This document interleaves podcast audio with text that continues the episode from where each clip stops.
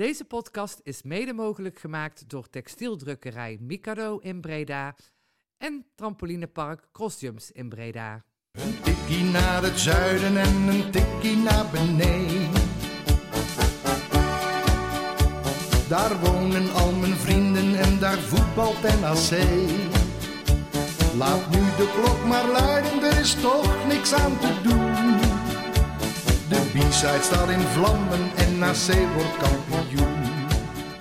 Welkom luisteraars bij de 42e aflevering van een Tikkie naar het Zuiden podcast. De podcast van BZ Reds over NAC. Eh, we gaan het hebben over eh, de wedstrijd van afgelopen vrijdag, NAC-NEC. Eh, dat zal eh, even door de zure appel 1 bij te zijn, en dat- maar dat doe ik in ieder geval niet alleen. Dat doe ik samen met Levine Goedenavond. en eh, Sven. Hallo. Goedenavond heren. Want er zijn wel eens leukere NAC-necks geweest waarover we ge- konden napraten. 2008 toch? Oh nee, nee. eh Misschien een competitieverband, maar ik kan Nee, het... nee, ja, goed. In 2008 hebben we trouwens een competitieverband ook verloren. 1-3. dus nee, het was geen best jaar van NAC, eh nek, nek, nak. Nee, maar dat- Goed, die, alle, die hele slechte play-offs. eh, ah, verschrikkelijk. Ja. Maar er waren ook veel leuke. het kan slechter dus. Ja, ja, dat is in ieder geval een fijne conclusie. Het kan slechter blijkbaar dan afgelopen vrijdag. Oh, maar op Valt in één keer mee, Ah, vrijdag. man. Zo slecht zijn we nog niet. Nee. Eh, heren, ja, ehm, we hebben met z'n drieën samen gekeken hier. En eh, ja, we hebben ons eh, oplopen vreten. We waren agressief, we waren boos. Nee, jij was boos en agressief. Ik ook. Oh. Dus eh, we waren in ieder geval met z'n tweeën. Het was echt, echt fucking slecht. Eh, Was het. eh, ik was wa- gewoon gelaten. het, was, het was echt slecht. En eh, ja, ik zeg, die kunt, eh kun je wel heel snel de vinger op de zere plek leggen. Nou ja, een van de dingen die in ieder geval niet geholpen zal hebben, zal hebben is het feit dat eh eh, Stijn koos voor een 4-4-2 in plaats van het 4-3 systeem waar ze tot op heden speelden. Dat, eh, dat werkte helemaal niet. Want dat was toch redelijk opmerkelijk. Eh, de namen die er stonden waren bekend, vooral van de eerste zes wedstrijden. Eh, de formatie waarin ze speelden was minder bekend. Want het was een eh, 4-4-2 eh, opstelling, waarbij eh Venema en Van Hooydonk eigenlijk eh, als twee spitsen fungeerden. En het middenveld, ja, het idee erachter heb ik nog niet kunnen ontdekken, Ja, om zo maar te zeggen. Mijn, mijn logica daarin zou zijn eh, om die jongens wat minder meters te laten maken, omdat die net terug zijn. Dus dat je een Immers en Haaien daardoor eh, een beetje ontlast. Ja, maar Dat- dat, dat dat, was dat, mijn, zeg je. eh, hè, Maar eh, wat ik op het middenveld zie is dat ze doorlopend roleerden. Zeg maar dat met name Immers overal te vinden was. Behalve op de plek waar hij, vind ik, het best tot zijn recht komt. En dat is een beetje in de schaduw van, eh, eh, van Hooydonk.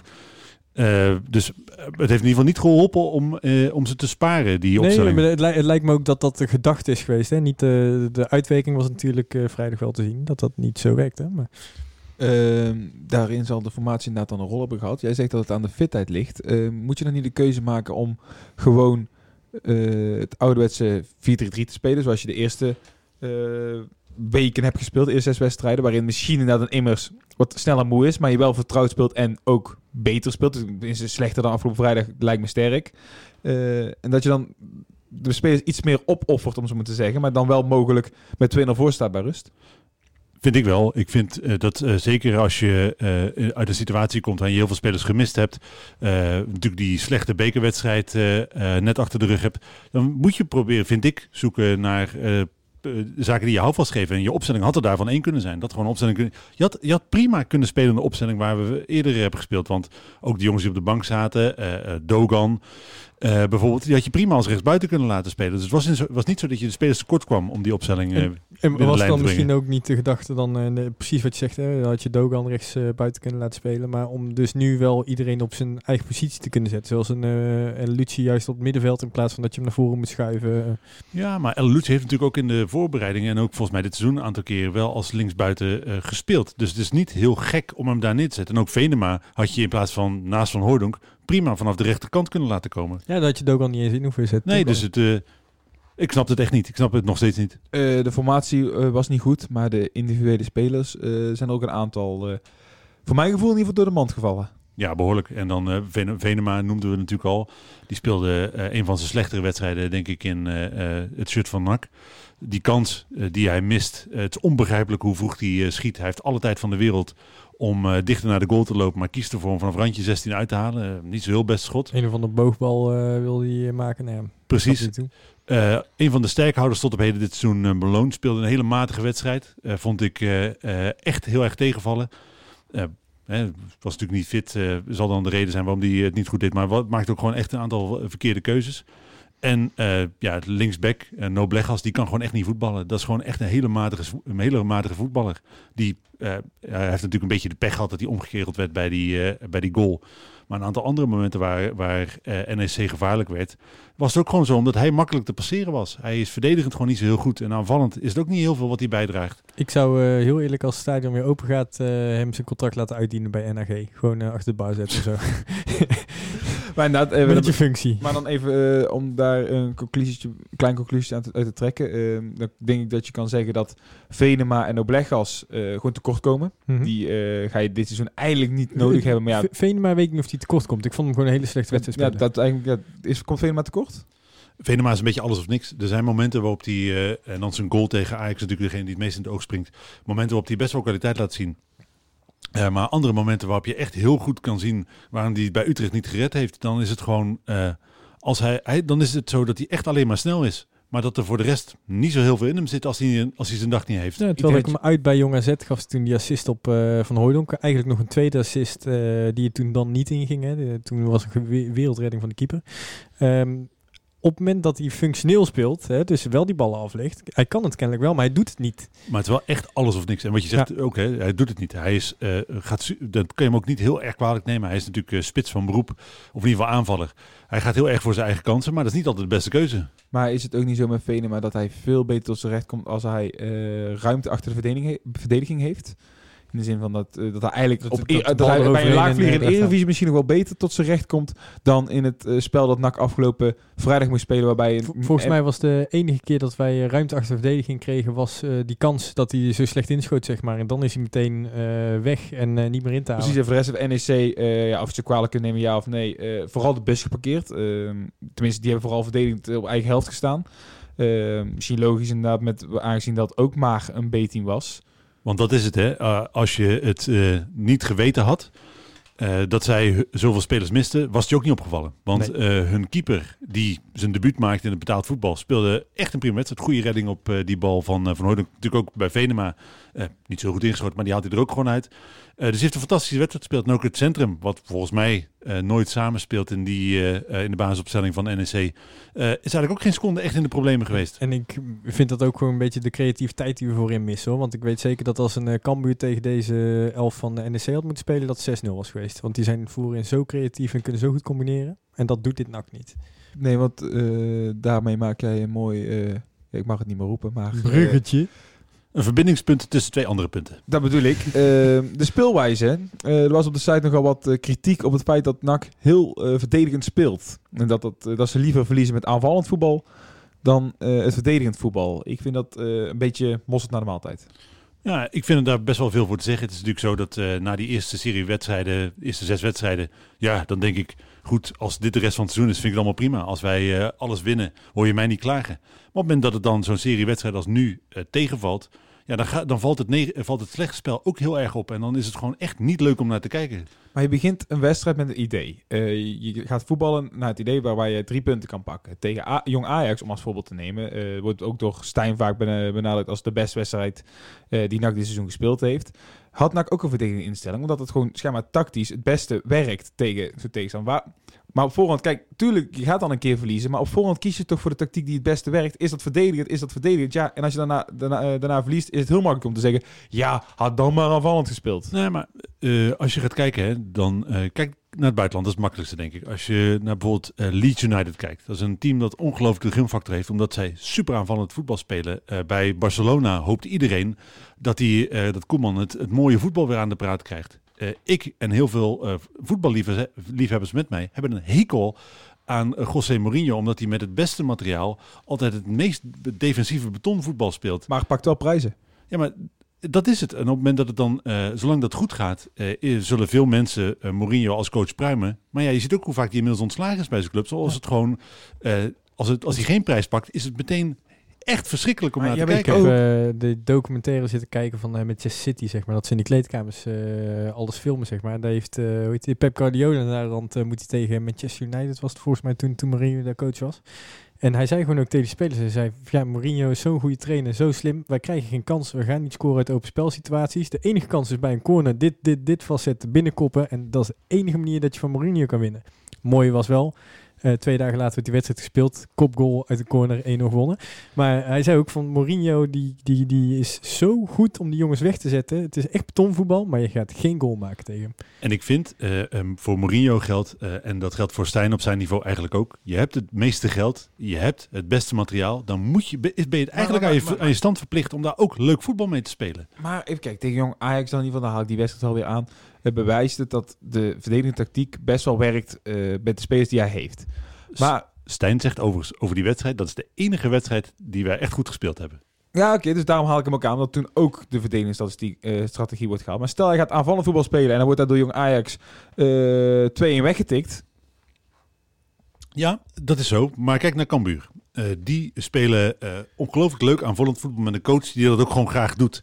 Dat is eh, als supporter veel leuker om naar te Maar er kijken. zijn toch meer, even, ik, ik, ik zit even naar echt te graven in mijn gedachten van eh, welke ploegen. Er zijn echt wel ploegen die ook aanvallend... Kijk, RKC vorig jaar. Ik denk dat dat eh, een mooi voorbeeld is. RKC vorig jaar kregen alle complimenten. Geweldig, aanvallend voetbal, frivol. Ja, waar stonden ze? aan- Ja. Maar de- die vergelijking vind ik niet helemaal opgaan. De reden dat ik die niet helemaal op vind gaan is omdat eh, RKC in de Eredivisie de club met het kleinste budget was. Dan is het gewoon dom eh, om een super aanvallend voetbal te gaan spelen.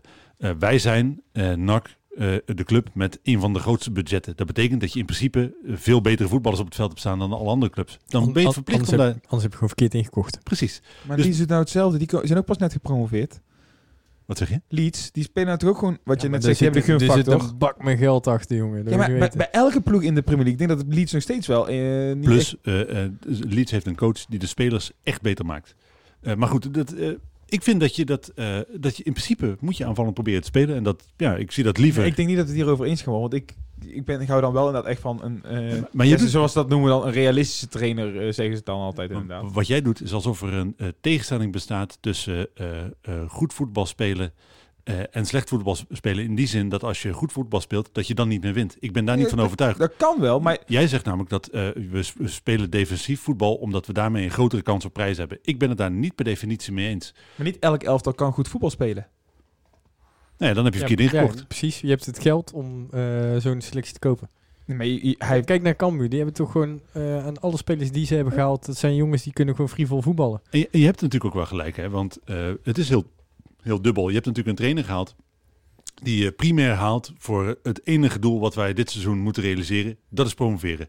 En eh, hij is ervan overtuigd, en de organisatie met hem, dat het met deze speelwijze, eh, dat daar de grootste kans op is. En ik denk dat daar best wel wat voor te zeggen valt. Ik vind alleen dat eh, je dan, eh, eh, als je daarvoor kiest, ja goed, dan, dan moet je niet klagen dat je kritiek krijgt, dat het gewoon vervelend is om naar te kijken. Want ik vind het, echt, het is gewoon echt niet leuk om naar te kijken. want ik denk inderdaad, als jij inderdaad eh, aanvallend voetbal wil spelen, dan moet jij geen immers op 10 hebben.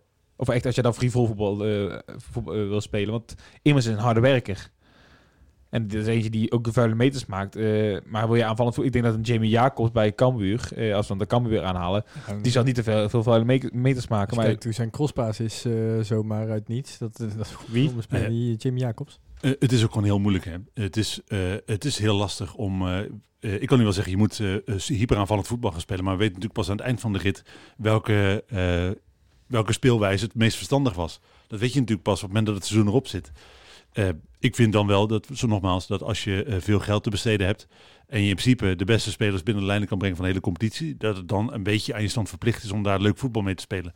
Dat het wel gek is dat je ook in wedstrijden tegen echt veel mindere ploegen. eh, jong eh, Utrecht, Jong AZ. zijn in principe ploegen die veel minder zijn dan de spelers die jij hebt. Dan is het eigenlijk best wel gek dat je daar ook defensief voetbal mee speelt. Dat is toch gewoon zo? Maar dan is het een makkelijk om een eh, makkelijk om te zeggen van en de vraag bij jullie neer te leggen: hoe goed zijn we dan eigenlijk? Als je niet aanvallend voetbal kan spelen, heb je dan wel nou, juist ingekocht en eh, ga je met het, de verdedigende tactiek eh, bij de eerste twee eindigen? Nou ja, als je dan naar de eerste zes wedstrijden kijkt, dan eh, zie je daar wel aanknopingspunten voor eh, een succesvol seizoen. Het is zo dat we in die wedstrijden verdedigend helemaal niet in de problemen zijn gekomen, eigenlijk. Eh, er stond een ongelooflijk sterk defensief blok. En dan heb je voldoende kwaliteit in huis om eh, toch in ieder geval één of twee keer per wedstrijd te scoren. Eh, als dat eh, als corona niet was gebeurd, ben ik ervan overtuigd dat wij in de wedstrijden tegen Almere City, Cambuur en eh, NEC meer punten hadden gepakt dan we eh, nu gepakt hebben. Dus ik denk dat we eh, niet zo slecht zijn als deze laatste drie wedstrijden doen vermoeden. Maar feit is wel dat nu je tegen concurrenten, dat je de drie wedstrijden die je tegen echte concurrenten gespeeld hebt, dus alle drie verloren hebt en kansloos. Drie, zes punten duels die je gewoon eh, verliest. Precies. Dus het is heel moeilijk in te schatten. Ik denk dat eh, puur op basis van de resultaten zou je zeggen eh, dat we inderdaad niet zo goed zijn als we leken te zijn. Maar je kunt er natuurlijk niet omheen dat er tussen die eerste zes wedstrijden en die laatste drie wel iets heel fundamenteels gebeurd is. Waardoor je selectie gewoon heel eind teruggeworpen is. Maar toch, ehm, iets fundamenteels gebeurd is. Dat, eh, daar kun je niet omheen in ieder geval om het eh, te bespreken. Dat is eh dan de coronabesmettingen en gevallen geweest binnen de selectie en zijn of haar families. Dat heeft een impact gehad. Maar dan lees je ah, afgelopen donderdag, eh 24 uur voor die wedstrijd. Ja, nee, we, we mogen het niet meer over corona hebben. Het moet nu alleen nog maar over voetbal gaan. Is dat zo? Ja, is dat ge- 1.1 is dat gebeurd? Ik denk dat ik die vraag voor ons drie kan beantwoorden. Nee, het ging uiteindelijk nog steeds over corona. Mag het nog een excuus zijn? Dat is dan de tweede vraag. Ja, dan is het misschien denk ik wel goed om heel even naar eh, eh, eh, het fragment van Stijn te luisteren, wat hij daarover zegt. Want hij legt eigenlijk uit waarom eh NAC voor eh, die positieve instelling gekozen heeft. Ja, dat, kijk, dat is altijd een afweging. Hè. Je wilt ook, eh, dat hebben we drie weken gedaan. En eh, kijk, als we een eerlijk verhaal vertellen, dan betekent dat we als ploeg zo ongelooflijk terug zijn geworpen in alles. In, in fysiek, in, in mentaal. Hè, wat, wat de mensen niet weten is hoe deze eh, ploeg geknakt is de laatste drie weken. Van, en dan heb ik het niet alleen over dat we bovenaan stonden en de periodetitel weg hebben gegeven. Ook het feit dat, dat er mensen ziek zijn geweest. Dat er familieleden met ambulances naar het ziekenhuis zijn gebracht. Eh, kinderen ziek geweest. Eh, dus er is ongelooflijk veel gebeurd met de ploeg. Alleen, ja, als je dan de laatste twee dagen eh, zoveel mogelijk mensen weer voorradig hebt, dan wil je ook zorgen dat je de positieve zoom krijgt. Hè? Dat wil je richting de supporters, je ploeg. Je wil ja, niet meer eigenlijk blijven hangen in het, in het, in het zoeken naar excuses. Daar, wil je eigenlijk vanaf. Ja, en daar zegt hij dus, het is eigenlijk een bewuste keuze geweest om eh, die periode in ieder geval in de communicatie naar buiten toe af te sluiten en eh, eh, ja, vol, te, vol te richten op eh, ja, voor de blik vooruit. Ja, maar eh, in hetzelfde interview hoor ik toch heel veel een terugblik op wat er gebeurd is en eh, welke verhalen nadat vrouwen en eh, kinderen inderdaad, eh, met ziekenwagens mee zijn gegaan. En dat, dat, weet je, dat is heel erg, eh, dat is heel ernstig en dat, daar gaat geen, dat gaat ook niet veranderen, dat blijft ernstig. Maar dan, eh, ik- bij mij wringt het dan in de zin van waarom roepen een Malone en eh Robin Schout in de krant dan van eh, ja, het mag vanaf nu niet meer over corona gaan, maar over voetbal. En dan toch wordt het misschien wil je dat zelf ook niet meer. Hè? En ik denk dat, een, dat het ook gewoon eerlijk is naar Stijn toe dat hij dynamisch mag zijn over de reden dat zoiets gebeurt.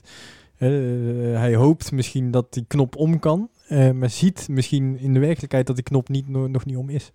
Nee, maar dat was natuurlijk ook hè, waarom, ik, waarom ik afgelopen vrijdag zo ongelooflijk kwaad was. Op het moment dat iedereen eh, voor die wedstrijd gezegd... ja jongens, eh, we hebben dan weliswaar weer eh, die elf namen... die we de eerste wedstrijden hadden binnen de lijnen. Maar ja, weet wel, dit zijn wel jongens die een ongelooflijk jasje uitgedaan hebben. Dat, die zijn echt voorlopig nog niet op niveau. Als je dat verteld had, dan da- had ik nog steeds wel gehoopt... dat je tegen een B-team van NEC zou winnen. Maar had ik meer begrip gehad voor de manier waarop je deze wedstrijd verloor... Nu denk ik, ja hoor eens even, als jij voor die wedstrijd zo'n grote broek aantrekt, dan moet je het verdomme wel waarmaken. Dan kan je niet meer zo, zo Ik, kut ik voetbal had aankomen. overigens verwacht dat eh, die wedstrijd eh, uitgesteld zou worden. Ik had gehoopt dat die wedstrijd uitgesteld zou worden. Ja, nee, ik, had, ik, had, ik had verwacht, want ik denk dat eh, als NAC zijnde, ik had nergens het gevoel dat ze zoiets hadden van, nou, we zijn weer terug. Ehm, ondanks dat eh, Manders dat eh, van de week nog eh, probeerde aan te kaarten, maar ja, die merkte dan alles dat het niet zo was. Dan is het toch gewoon prima voor NAC om gewoon even die extra, hoeveel dagen zijn het? Tien dagen te pakken naar MVV toe.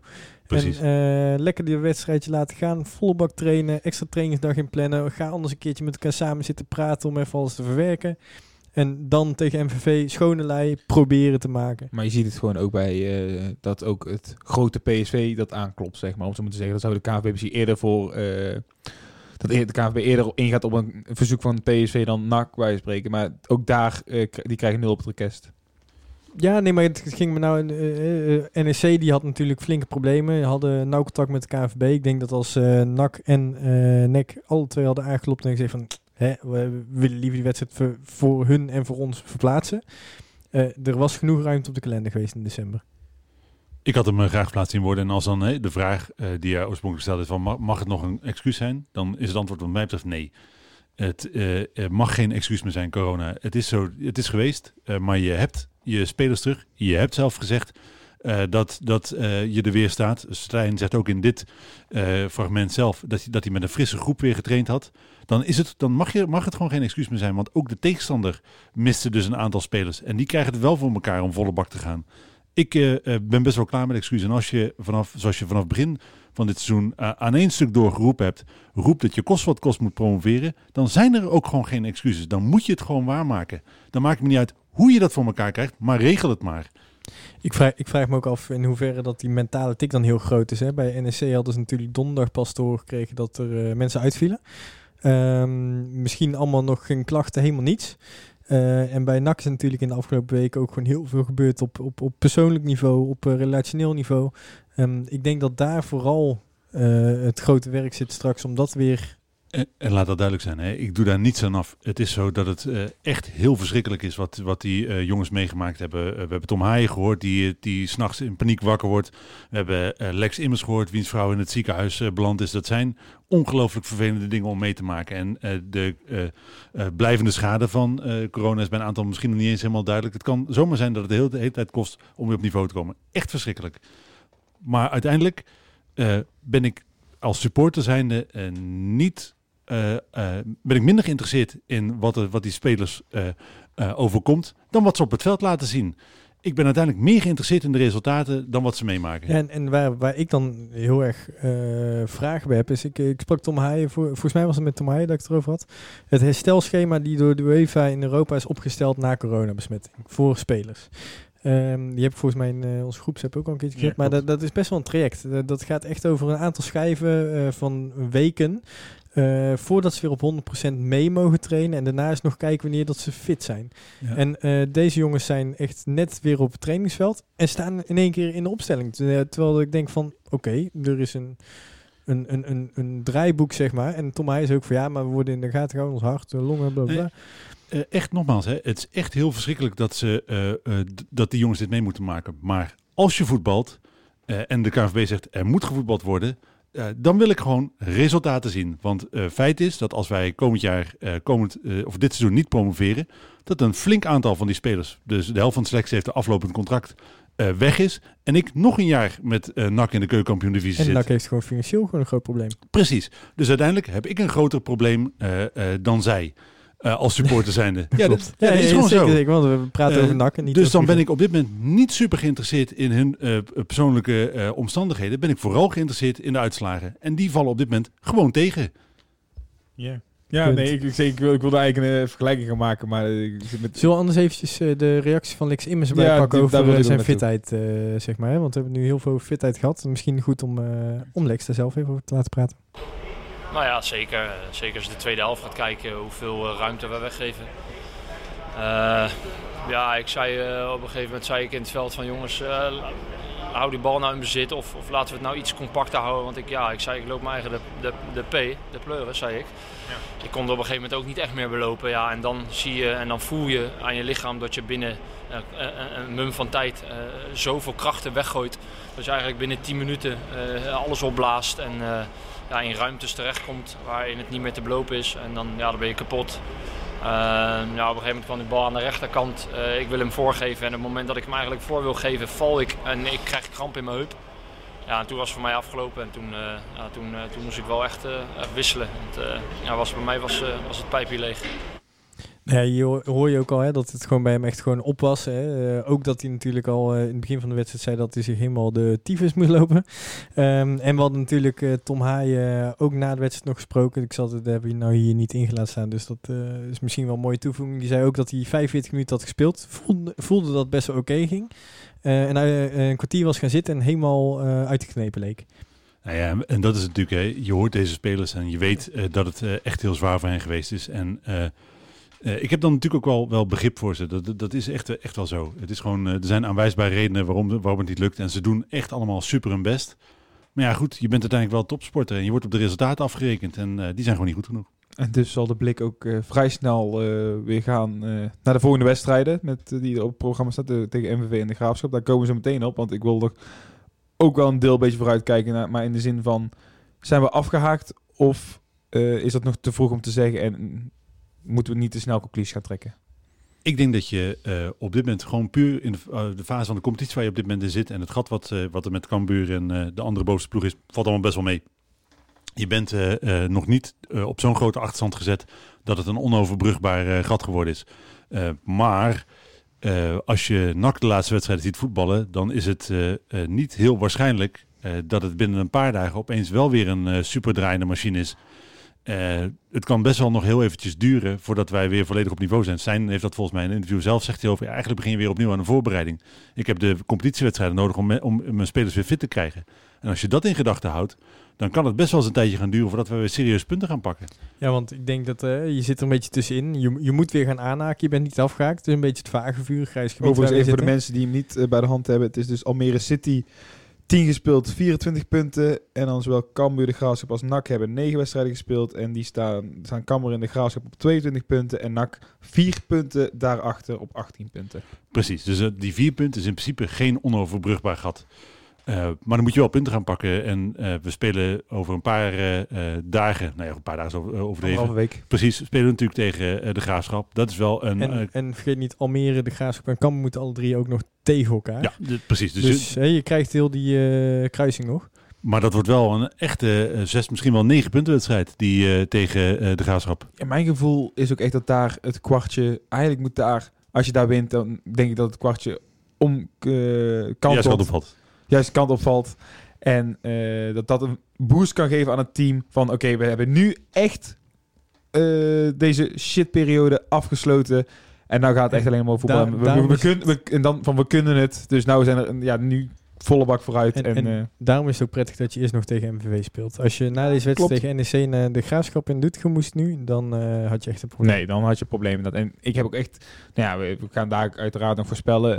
eh NVV is echt een hele matige ploeg dit jaar. Echt heel slecht. echt heel slecht. En eh, ja, dan is het heel makkelijk om te zeggen dat we gaan daar eh, dik winnen. Maar dat gevoel heb ik ook echt wel. Maar eh, dat zou inderdaad lekker zijn richting het gevoel tegen richting de Graafschap. En als dan bij de Graafschap ook wint, dan... Je moet terug in die flow komen. Dat zegt Rustler ook inderdaad. Wie, ja, we hebben hem voor mij ingeladen. Ja. Ja, die zegt ook van, we moeten weer vooruit. We moeten weer in de flow komen. En ja, dan laten we daar als- alsjeblieft aanstaande vrijdag mee beginnen. Zal ik hem zelf even laten praten? Definitely not. Um, we need to play better. We need to we need to start winning games. Uh, it's been a bad run now. Um, yeah, we need to perform better as a team. We need to uh, start keeping clean sheets again. We need to start start scoring goals. Um, I need to start winning games. But of course, it's a it's a long season, so there's no need to start stressing now. Uh, but the quicker we get back to winning ways, the better it is. Ja, dat is gewoon een helder verhaal. Nou, precies eigenlijk eh, waar je de vinger op de plek legt op dit moment. Van, eh, als je weer in die flow komt, die flow van de eerste zes wedstrijden, dat is, daar moet je weer terug naartoe. En daarmee eh, de aansluiting vinden bij de top. Maar in antwoord op jouw vraag dan, hè, ben je dan op dit moment eh, eh, afgehaakt? Dan is het antwoord Bij mij nee. nog niet. Eh, alles hangt dan wel echt af van die wedstrijd eh, tegen de Graafschap. Verlies je daar, dan kun je zeggen dat het een eh, verloren seizoen gaat worden. Voorlopig althans. Nou, dat hangt af van de graafschap, maar mits je aanstaande vrijdag gewoon tussen aanhalingstekens wint. Je, moet, je moet van alle middenmotors een kleintjes winnen, eigenlijk, hoor, om dit seizoen een succes te maken. Precies. En als je dan bij de Graafschap wint, dan kan het heel goed zijn dat het een mooi seizoen gaat worden. Maar het moet daar wel echt, echt, echt gaan gebeuren. En vergeet niet dat de Graafschap is eh, de laatste drie, vier wedstrijden, heb ik al vaker gezien, dat ze net door het oog van naald, door al Seuntjes vaak, eh, net op het, de- tegen de 90 minuut of in de 90 minuut eh, de winnende schieten. Voordeel is wel dat we tegen die tijd wellicht uh, Bilaten weer fit hebben. Natuurlijk nog lang niet eh wedstrijdfit. Of in ieder geval echt alweer op... eh, eh, ja, goed. Wie weet wat ik bedoel. Ja, Eh, maar bij een blessure, ik denk dat hij eerder terug bent van zijn blessure dan dat hij moet herstellen van eh, een mogelijke corona. Mag, mag ik daar ook een eh, kleine kanttekening op zetten? Want eh, Van Hooydonk heeft al vaker aangegeven van eh, het, het is niet ondenkbaar dat Bilaat en ik samen in de spits gaan staan. Eh, oftewel een 4-4-2 opstelling. Ik denk wel dat Van Hooydonk eh geweldige eerste serie wedstrijd gehad. Eh, maar hij zal zelf ook weer vlot doelpunten moeten gaan maken. Wil hij uiteindelijk niet gewoon op de bank belanden als Bilaat helemaal fit is. Maar eh, het, het, het verhaal dat hij zelf vertelde over eh, een, ehm, samen met hem in de spits. Dat zou een 4-4-2 dan zijn. Maar ik denk wel dat hij dat echt aan prestatie moet koppelen voorlopig. En dat die 4-4-2 Ja, ja, is voor mij geen zekerheid. eh, aangezien, ja goed, Venema was Nee, ja, natuurlijk ik, ook niet ik goed. weet niet hoe die gesprekken zijn geweest met... eh Dirk Milaat is een andere speler, een compleet andere speler dan Venema. Nee, goed, maar het is een niet kapstok. Bijvoorbeeld. En dan eh, Van Hooydonk inderdaad. eh, Als hij die ballen klaar kan leggen voor Van Hooydonk in de 16. Maar even dan, en als, je dan eh, als we daar heel eventjes bij stilstaan, dan ga je voorin. Immers is redelijk zeker van zijn plaats, vind ik. En dan krijg je dezelfde ding, dezelfde soort opstelling, maar dan Venema eruit, Bilater erin. Maar Maar je- afgelopen vrijdag. Denk je? Ja, oké, maar dan gaan we echt met twee spitsen spelen. Ja, ja. Maar je hebt Kai de Roy straks weer fit. Dat is gewoon linksbuiten. Dan is het toch zo dat... eh Maar je bent niet fit eh, bij tegen de graafschap, hè? Nee, nee, maar dan is de kans dat, dat Venema zijn positie aan de rechterkant als een soort van uh, rechteraanvaller, uh, de kans dat hij zijn basisplaats behoudt toch veel groter is dan dat uh, Van Hooydonk ja, als centrumspits zijn basisplaats uh, behoudt. Ja, het ligt eraan wat ze met Bilater van plan zijn. Want je kan... Uh, of, of Bilater, ja, in eerste instantie is hij gehaald inderdaad toen uh, als eerste spits. Want ja, toen, sinds dat hij kwam stond hij gelijk in de basis, al was het maar uh, 10 minuten. Uh, maar ja, dan, ja, ja, inderdaad wat je zegt, dan moet Van Hooydonk uh, prestaties gaan verbeteren. Maar toch denk ik dat, dat ze niet gaan kijken naar de prestaties van afgelopen wedstrijden... waarin uh, je met een compleet nieuw elftal, nieuw, nieuw, compleet ander elftal gespeeld hebt. Ik denk dat elke spits daarin was verzopen. Dat denk ik ook, dat is wel waar. Dus inderdaad, je, moet, je kunt pas weer gaan oordelen over Van Hooydonk en zijn prestaties... als je straks weer... Uh, nou ja, ik heb volle oorlogstijd, dat ben je nu inderdaad. Maar als je dus ook weer het systeem gaat spelen waarmee je de eerste zes wedstrijden gespeeld hebt. Hm? 4-3 immers op de schaduw van hem. Ja, dat inderdaad. En dan, kijk, en als hij dan weer blijft, uh, gaat scoren, ja, dan leuk voor Bilater dat hij terugkomt. Maar dan zie ik hem ook weer niet in de. Dan zie ik die gewoon op de bank uh, terechtkomen. Ik denk dat, uh, we, nogmaals, dat Van Hooydonk blij is als hij weer snel een doelpunt maakt. Want uh, dat is natuurlijk zijn beste claim op denk een baasplaats. Dank je vertellen. Wat zeg je? Nak überhaupt Ja, doelpunt precies. maakt. Ja. ik denk dat het uh, op dit moment uh, het belangrijkste is. Uh, ja, dan denk ik dat we nak uh, nek af kunnen sluiten. Graag. Ja, graag inderdaad. En dan echt uh, er niet meer over te hoeven te praten. Uh, hadden we het toevallig voor de podcast over inderdaad. Dat er uh, aardig wat ex-NAC-spelers zijn tegenwoordig die het best wel goed doen. En de ene speler is, voor de ene speler is dat voor ons, wat, voor ons gevoel wat leuker dan bij de andere speler. Uh, want er zullen misschien wat mensen, als we de eerste speler eruit lichten, niet zulke leuke, uh, warme gevoelens hebben bij Rai Vloed. Ik denk dat er geen enkele NAC-supporter te vinden is die uh, op basis van zijn periode bij NAC warme gevoelens bij Rai Vloed krijgt. Dat is nou, zo kun je het ook uh, bewoorden, maar hij doet het nu wel goed. Ja, hij doet het hartstikke goed. Het is, ik zag een interview met hem bij Fox. Waarin hij zegt dat hij eigenlijk uh, uh, in zijn eerste jaren na zijn vertrek bij PSV uh, nog die PSV-mentaliteit had. Ervan over, hij was natuurlijk jarenlang het, een van de toptalenten bij PSV. Er lag hem een mooie toekomst in het verschiet. Hij speelde daar altijd om de prijzen. We eigenlijk met alleen maar goede voetballers. En hij zegt, die mentaliteit heb ik eigenlijk meegenomen naar mijn eerste clubs na mijn vertrek bij PSV. En pas nu, bij Heracles en vorig seizoen bij Excelsior, is het kwartje echt gevallen.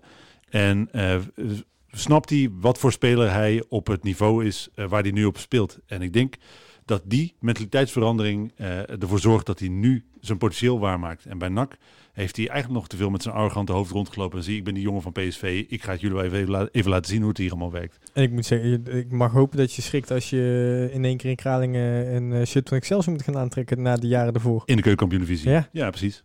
Maar uh, jij, uh, jij, vertelde ook, toen we hier al van tevoren al over hadden, ja, ja. dat, ja, dat spelers uh, best wel te spreken waren altijd over Rijvloed. de trainer. de trainer gaf zelf aan dat hij alle opdrachten die hij meekreeg in het veld perfect uitvoerde. Dus dat eigenlijk Vloed een van de weinig perfecte spelers was in dat seizoen. Um, alleen zijn rendement was gewoon laag. Uh, op zich was het natuurlijk een middenvelder. Maar... Ik heb ook soms ook echt over ballen heen zien schieten. Dat ik denk van, je hoeft ja, maar ja, helemaal aan te raken. En de, de, de en looplijnen ik... en, en dergelijke die met hem werden afgesproken, heeft hij kennelijk gewoon 100% opgevolgd. Had hem dan andere opdrachten gegeven? Ja. Schiet die bal de nose. Ja.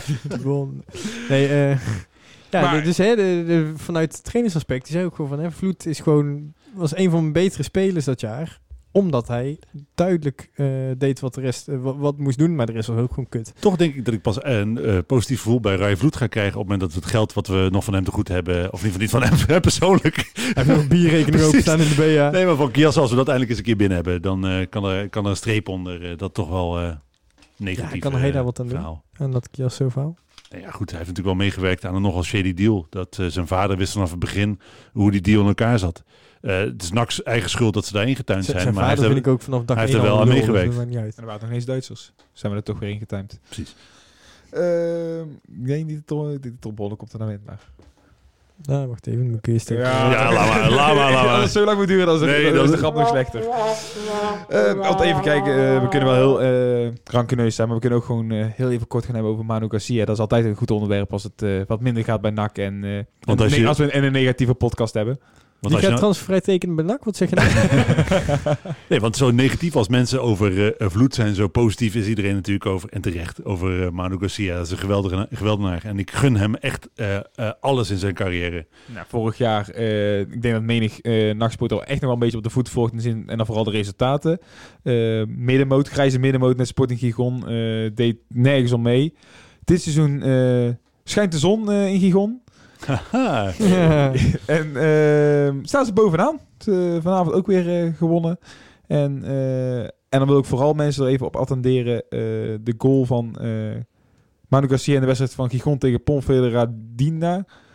Ja, Zo- zoiets. Zoiets ongeveer inderdaad. Ehm, ja, en dan hij maakt de 1-1. Het is echt een eh, geweldige goal. En hij lijkt eh, weer helemaal op te leven. Stond ook in de kranten. Dat eh, in de Spaanse media werd een, ik las een profiel van hem in de Spaanse krant, ik weet niet welke sportkrant het was, waarin ze zeiden dat hij vorig seizoen eigenlijk best wel ondermaats gepresteerd heeft. Dat is natuurlijk een jongen die op jonge leeftijd bij Manchester, City en alles, hij had een carrière waar eigenlijk meer uitgehaald had eh, kunnen worden eh, tot op heden. Of in ieder geval de, verwacht- de verwachtingen waren hoger. Vorig jaar heeft hij die echt niet eh, ingelost.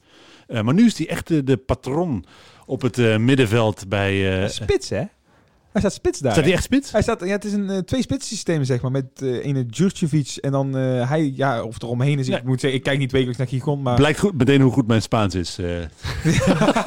nee, maar dat, voor mij is het iets van een 5-3-2 of in ieder geval een twee spits systeem en hij staat daar samen met die Djurcevic in de spits. Dus, Nee, maar de Spaanse kanten zijn nu, eh, eh, welke positie dan ook speelt, eh, een veel, veel lyrischer over hem. We zeggen dat hij eindelijk zijn potentieel in gaat lossen. En dat is eh, zijn droom als, eh, want hij is natuurlijk supporter van eh, Sporting. Eh, zijn droom en de, en de club, eh, eh, dat die dromen misschien wel verwezenlijk gaan worden. En dat is dan promotie naar de Primera Division. En dan is het natuurlijk afwachten waar zijn top ligt, als hij dat voor elkaar krijgt. ja, laten we hopen. Ik, ik heb nog steeds vertrouwen in dat hij ooit ergens wel een keer terecht gaat komen met, eh, bij een hele grote club. Ik Ja, hoop bij je NAC hoopt het, in de Eredivisie. Eh, ooit zal hij vast misschien wel een keer terug, was hij 38. Nee, hij gaat het nooit doen. Hij gaat tot de rest van zijn carrière... eh in Spanje blijven. de je Nou, misschien als hij inderdaad straks echt 32, 33... je Maar zou hij dat doen? Is hij eh, zo hij, is wel, sentimenteel? hij is wel echt verliefd op NAC, hè? Ook wel, ook wel. Hij is natuurlijk verliefd op Gigon, wat is een echt een eh, Ja. boyhood club is. Hij zei maar- eh, op, eh, op, op, op de P5 toen, eh, ik blijf, omdat eh, volgens mij Hamout in zijn oor fluisterde en hij had geen flauw idee wat hij zei. Ik blijf, ik blijf. geen flauw idee wat hij aan het zeggen was. Fantastisch. Ja, maar ik zou het wel mooi vinden. Dat zou, hij is natuurlijk eh, ja, nog hartstikke jong, dus het gaat al heel lang duren voordat we hem eh, terugzien. Maar als hij inderdaad echt zo warme gevoelens bij NAC nog steeds heeft, en dan zou het, het zou wel cool zijn natuurlijk. In de Eredivisie. nee, ik, ik, ik sluit cool niks uit hoor. Ik, eh, toen ook, ja, ik, ja, het zou schitterend zijn. Ik denk Eh, dat het dan eh Bena Liga inmiddels is, maar... eh, Ik heb hier ondertussen dan, ik heb, ja, we hebben hier van tevoren al een beetje overlopen filosoferen met een lijstje met al die namen. Dat dat natuurlijk een Angelier wat geweldig doet. Eh Sadiq zit in dezelfde competitie van Garcia, maar doet het juist weer iets minder. ik wil lekker kipnuggets aan het eten. Zo kunnen we daar nog heel veel ex-nakkers eh, opnoemen. Maar daarom des leuker het is om, Isaac Zeeman Kambo. daar hadden we het ook Doe dat goed bij Ooster, Oostersund. Altijd een Basis. Eh, maar dat soort namen inderdaad. eh, we, je ziet elke keer die berichten te- eh, voorbij komen met de transfers van die ex-NAC-spelers. maar we willen vragen eigenlijk aan jullie van wie volgen jullie nog eigenlijk wekelijks, al dan niet maandelijks, op de voet? Wie volg je echt nog wat zijn resultaten zijn? En wat is misschien wel het mooiste verhaal van een ex-NAC-speler Ja, maar- inderdaad? Van hoe zijn carrière loopt. Jullie kennen onze mail, bicetrets.bicetrets.nl. Als je dat inspreekt, dat verhaal, en zelf vertelt over een ex-nakker waar jou... eh, gewoon een gaaf verhaal. En dat eh, een video voor, of een eh, geluidsfragment opstuurt, dan vind ik dat best wel leuk om dat een keertje gewoon in de podcast te draaien. Ja, absoluut. Niet te lang, geen kwartier verhaal, gewoon twee, twee, drie minuten. Maar ja, ik wil nog twee spelers, als dat mag, eh, toch uitlichten. Want juist het mooie verhaal, het beste verhaal van de afgelopen week is denk ik Ashley Smith-Brown. Die zijn carrière naar alle waarschijnlijkheid in eh, Zuid-Afrika gaat vervolgen. Als je op transfermarkt, doe dat vooral. Het is echt de moeite waard. Zijn carrière erbij pakt, is het een kaarsrechte lijn naar beneden. Het gaat elk jaar een stukje minder sinds zijn vertrek bij NAC. Dus het, een carrière buiten de voetballeague uh, leek in het schiet liggen. Maar de kans is nu heel groot dat hij dus naar Zuid-Afrika gaat. En dat is 24 jaar, mooi weer, leuk land. Ik, eh, ik eh, Dan vind mag het je een... niet klagen. Nee, mooie carrièrekeuze. Mooi Wel leuk dat hij daar gaat rugbiën. Dat, eh, Precies. Misschien dat hij dat wel kan.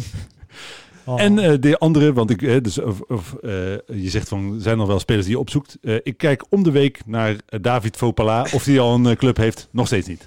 En die, heeft toen, die scoorde toen een keer een wereldgoal in de Champions League of Europa League toen of zo. Klopt, genomineerd Ja. volgens mij voor de Poeskas Award. eh, Ja, zelfs. en ja, dan toch, eh, ja, ja, aan de andere kant sta ik er ook weer niet van te kijken dat hij nou geen club, hij heeft eh, pas geleden nog mijn eh, auto uitgestofzuigd bij de ANAC. Dus, eh, Nee, maar als je het hebt over een toptalent wiens carrière volledig geïmplodeerd is, is hij, is hij het wel. eh. er, Ja. la- er lagen nog kruimels in mijn achterbak. Klopt. ik ben ik ben niet heel tevreden. Die sucks, maar niet is dat goed. Eh, dus inderdaad, maar in ieder geval, eh ja, oproepje aan de luisteraars. eh, spreek vooral jouw eh, mooie ex-NAC, eh, ja, En- de, en- de leukste ex-NAC-speler volgens jou nog in. eh, het laatste ex-NAC feitje van afgelopen weekend. Twee eigenlijk. Boesiet viel in bij FC Utrecht. Vind ik heel leuk om te zien dat die jongen veel speeltijd krijgt van Van der Bom. Ehm, en eh, een bepaalde keeper van Sparta werd niet meer opgesteld omdat hij niet goed genoeg was. dus, We mogen er eigenlijk niet om lachen, die maar mag je zelf invullen. we doen het toch.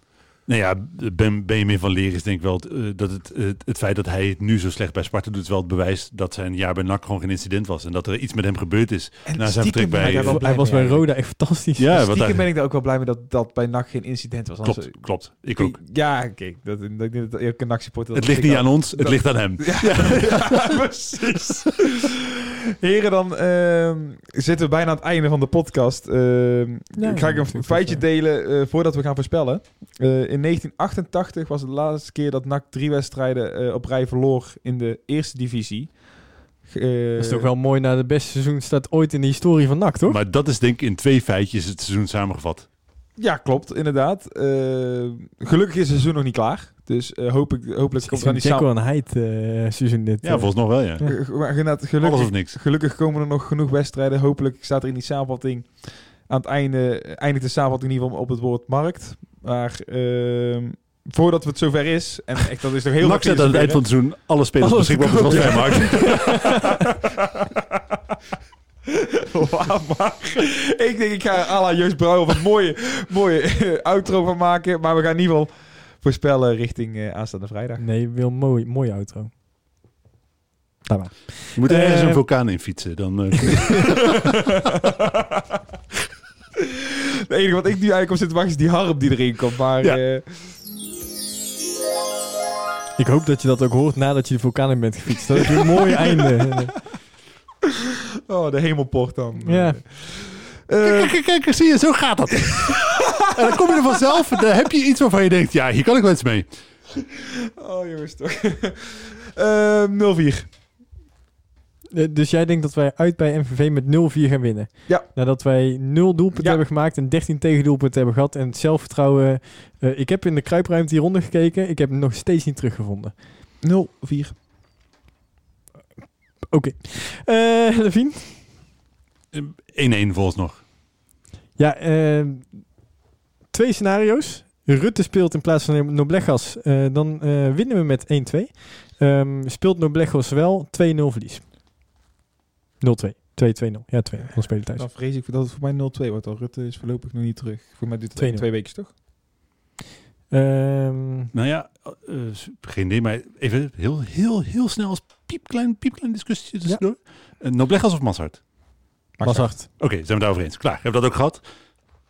Ja, en dat, dus dat kan ook nog inderdaad... Ik denk dat die... eh, die En als Massard speelt, geen flauw idee wat hij staat. Oh, dat is het misschien ook wel het verhaal. En dat ik denk dat het eh, heel lastig is om in te schatten waar NAC, in welke eh, situatie NAC zit, zat en gaat komen. Eh, ze zeggen wel eens, het is kut, het was kut, het wordt kut. Eh, die uitspraak die, eh, die je nogal vaak op de tribune hoort. Eh, Ja, zo ben ik van NAC voor gaan houden. Dus op zich prima. Er zijn weinig zeker in het leven. Eén zekerheid is in ieder geval dat wij volgende week maandag er weer zijn. Als je nu nog vulkaan zegt, ben je rond. En dan gaan we weten, dan gaan we weten of de Breda's vulkaan tot uitbarsting lekker, lekker! Mensen, tot eh, volgende week. Waar roken ze vuren. Een tikkie naar het zuiden en een tikkie naar beneden. Daar wonen al mijn vrienden en daar voetbalt NAC. Laat nu de klok maar luiden, er is toch niks aan te doen. De B-side staat in vlammen en NAC wordt kampioen.